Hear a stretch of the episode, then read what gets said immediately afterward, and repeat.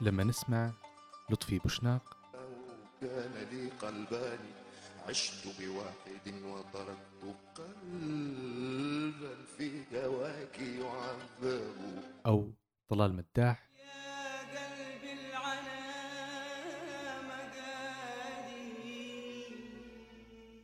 أو لما نسمع فيروز. أنا أنا حبيبي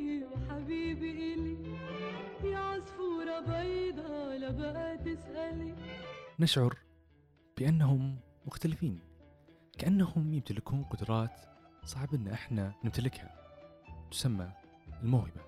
هذا الشيء الغامض اللي يخلينا نشعر أنها يتواجد في أشخاص معينين فقط. حاولنا في هذا الشهر أننا نفهم الموهبة ونعرف أسرارها فقررنا اللجوء للعديد من الكتب والأبحاث المتعلقة بالموهبة حتى نجيب على هذه الأسئلة. إيش التغييرات اللي تصير في الدماغ لما نيجي نتعلم مهارة جديدة؟ هل الموهبة شيء موروث عند الولادة أو شيء مكتسب من خلال التطوير والممارسة؟ وإيش الخطوات الضرورية حتى يكتسب الشخص مهارة معينة؟ وغيرها العديد من النقاط اللي راح يتم التحدث عنها في هذه الحلقة. ما راح أطول خلونا نبدأ. نتساءل عن مختلف جوانب حياة الإنسان. كيف حدث ذلك؟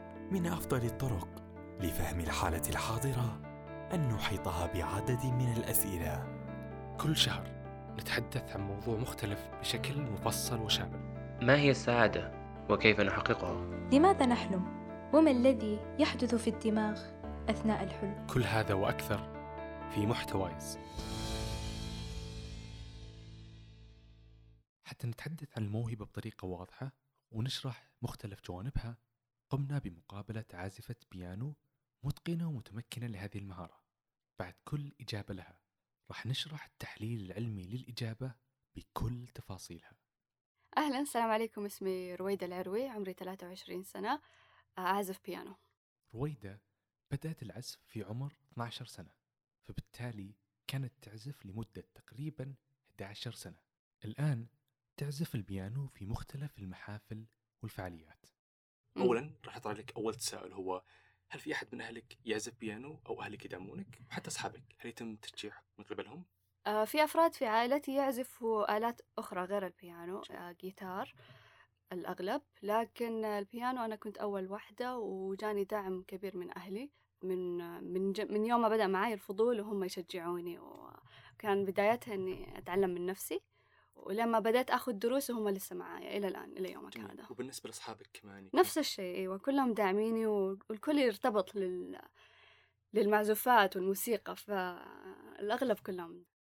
راح نوقف شوي هنا ونتحدث ليش إجابة رويدة جدا مهمة وإيش تأثير البيئة على موهبة الإنسان؟ عادة الأشخاص اللي تم تطوير موهبتهم يكونون في عائلة تحفزهم ترشدهم وتتوقع منهم الكثير. فالعائلة تعتبر حجر أساسي لتطوير الموهبة. بالتالي في حال عدم وجود دعم العائلة غالبا الأفراد لا يهتمون بمواهبهم أو تطويرها. وبالنسبة للحالة الاجتماعية توقعات الأصدقاء لقدرات الشخص تلعب دور مهم. فالأشخاص اللي طوروا موهبتهم غالبا كان عندهم أصدقاء يؤمنون بقدراتهم. الحين راح نرجع المقابلة آه ممتاز. الحين أهم تساؤل عندنا هو كم ساعة يتم تدريب يوميا وكم يوم في الأسبوع؟ أعتقد هذا شيء حابين نعرف عنه أكثر آه والله هو يعتمد على حسب ال- الهدف والمعزوفة اللي قاعدة أتعلمها. عادة يتم... يتطلب إنه ال- الواحد يتدرب أقل شيء نص ساعة في اليوم. آه إذا كان عندك هدف معين تبغى توصل له في وقت معين يتطلب أحيانا يمكن أربع ساعات. آه قراية ال- المقطوعة نفسها يتطلب وقت كمان. بس في بداية السنوات يعني يمكن أربع ساعات كل يوم بالقليل أحيانا أكتر أحيانا أقل على حسب.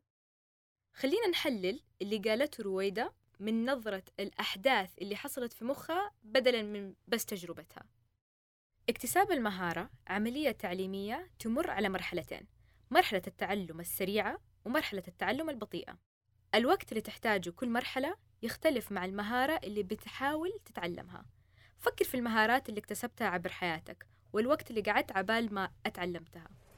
مهارة ركوب الدراجة مثلا ممكن أخذت منك ساعات تدريب بس مهارة المشي ممكن أخذت منك من الثلاثة إلى ستة شهور من بعد ما تعلمت تقعد. صح؟ وفي مهارات تختلف عن مهارات ثانية بأنها متقدمة أي أنها تحتاج إلى وجود أو اكتساب مهارات أخرى قبل الابتداء بها. زي مثلا ركوب الدراجة. أتوقع ما هو تسلسل بديهي إنه الواحد يبدأ يركب دراجة قبل ما إنه يبدأ يمشي. نرجع للمرحلتين.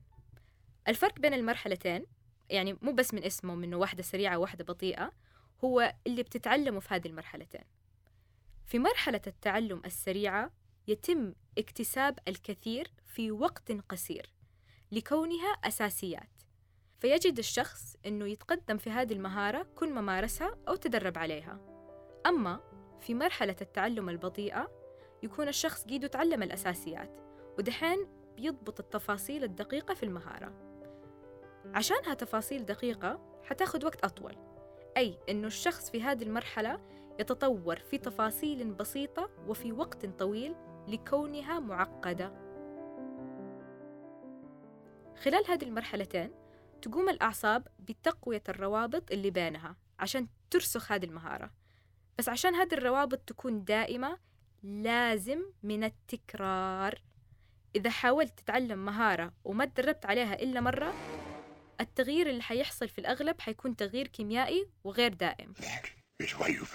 لكن مع التدريب والتكرار تتخزن المعلومات عن كيفية فعل هذه المهارة عبر التغييرات الهيكلية.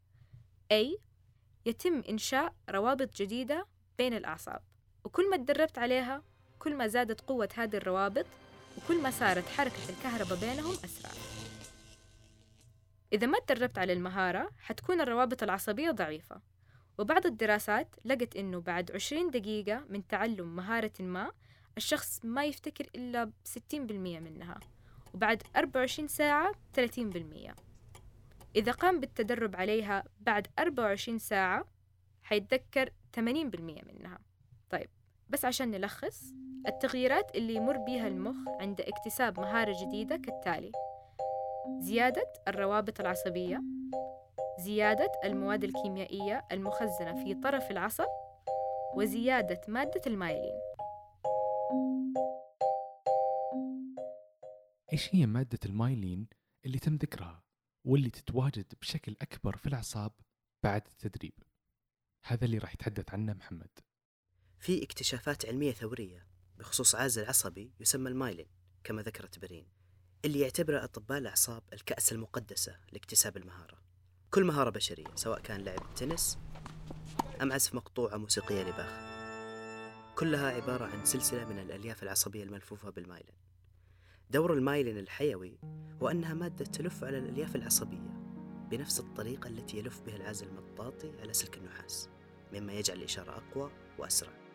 هذا العزل العصبي عالمي بمعنى أنه بيوسع كل شخص تنميته وغير انتقائي فيمكن من امتلاك كل المهارات كما ذكر.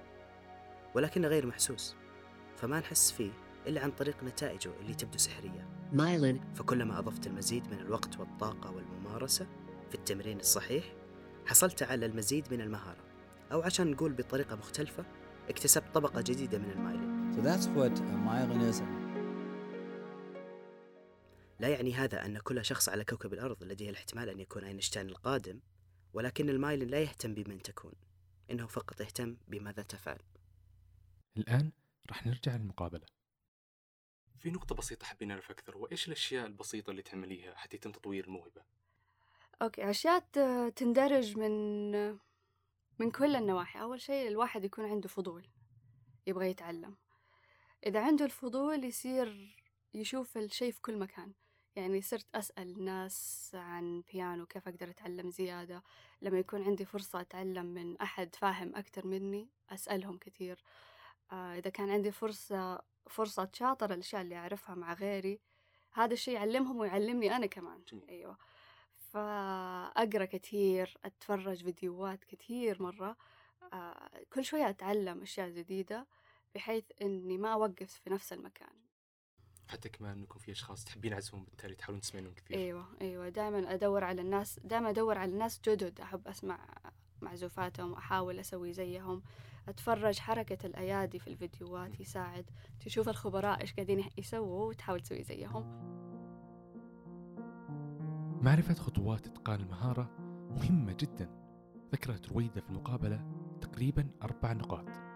واحد محاولة تقليد المحترفين. اثنين سؤال الناس والخبراء. ثلاثة قراءة الكتب عن المهارة اللي راح يتم التدريب عليها. أخيرا مشاهدة الفيديو اللي يأدون هذه المهارة. يوجد كتاب اسمه The Little Book of Talent للمؤلف دانيال كويل.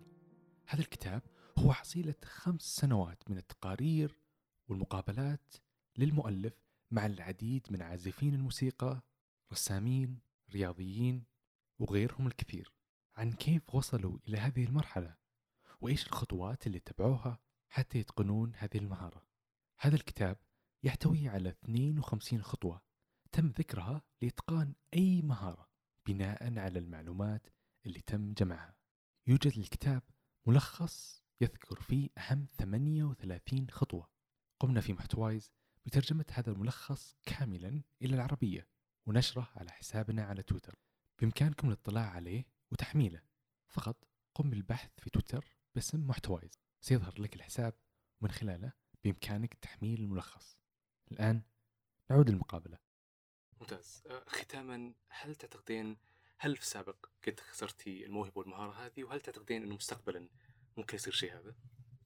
برأيي إنه إذا أنت حطيت جهد بهذا الكبر في شيء أنت تعزه وتحبه قد كده ما حيختفي منك في يوم وليلة. فدائما موجود خلاص طريقة تفكيرك تصير متمحورة على هذا الشيء. لازم لازم الواحد إذا استوعب يجيله جهد. أحيانا حتى يجيلك آه، مساندة من أحد خارج آه، إطارك. يعني أحد الأب الأم يشوفوا الولد عنده موهبة في هذا الشيء فلازم يحطوا الجهد فيها إنه ينموها من وقت بدري. نوقف الحين مرة ثانية. التساؤل هذا جدا معقد ومحير والإجابة اللي تم ذكرها وضحت نقاط مهمة. فالمهارة والموهبة تضعف بناء على المدة اللي تم استغراقها لتعلمها. لكن لا تختفي بشكل كامل زي ما ذكرت رويدة بالتالي في حال البدء مرة أخرى على تطوير الموهبة أو المهارة راح يكون استرجاع الأداء السابق أسرع بكثير مقارنة بالشخص اللي لم يتعلم المهارة أبدا. خلونا نذكر مثال حتى نوضحها أكثر. تم عمل تجربة في عام 1975 من قبل باحثين هم كولرز أند باركنز التجربة كانت أنه مجموعة من الأشخاص تم الطلب منهم أنهم يقرأوا النص بشكل مقلوب معناها الورقة مقلوبة. أخذ منهم قراءة النص الواحد 16 دقيقة.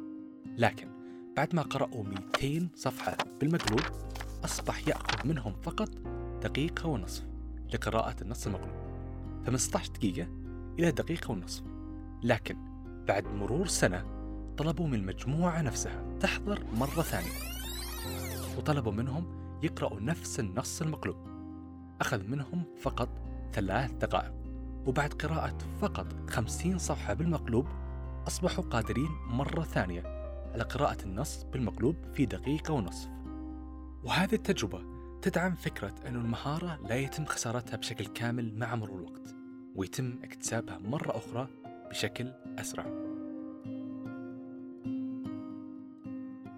بإمكانكم الاطلاع على أسامي الكتب وروابط الأبحاث والمصادر اللي تم استخدامها لإعداد هذا المحتوى في الأسفل في قسم الوصف. أيضا توجد فكرة جديدة متحمسين لها لنشر المعرفة. وهو من خلال التعاون مع فريق مترجم. الفكرة بكل بساطة أننا نقوم بترجمة مقاطع اليوتيوب إلى العربية اللي تتحدث عن موضوع هذا الشهر الموهبة والمهارة. وفي كل موضوع شهر جديد نقوم بترجمة مقاطع يوتيوب متعلقة به. بإمكانك معرفة المقاطع ومشاهدتها على حسابنا على تويتر. كان معكم خالد القنيعة. محمد العمري. برين حمود. فكن ما تشاء. هي نصيحة للأهالي إذا لقيوا شيء في أطفالهم آه، فضول سواء كان أو عندهم ميزة معينة إنه على طول يتبنوها ويعطوهم مساندة وتشجيع ويودوهم في أحسن شيء في هذا الشيء عشان يصيروا أفضل ما يكونوا.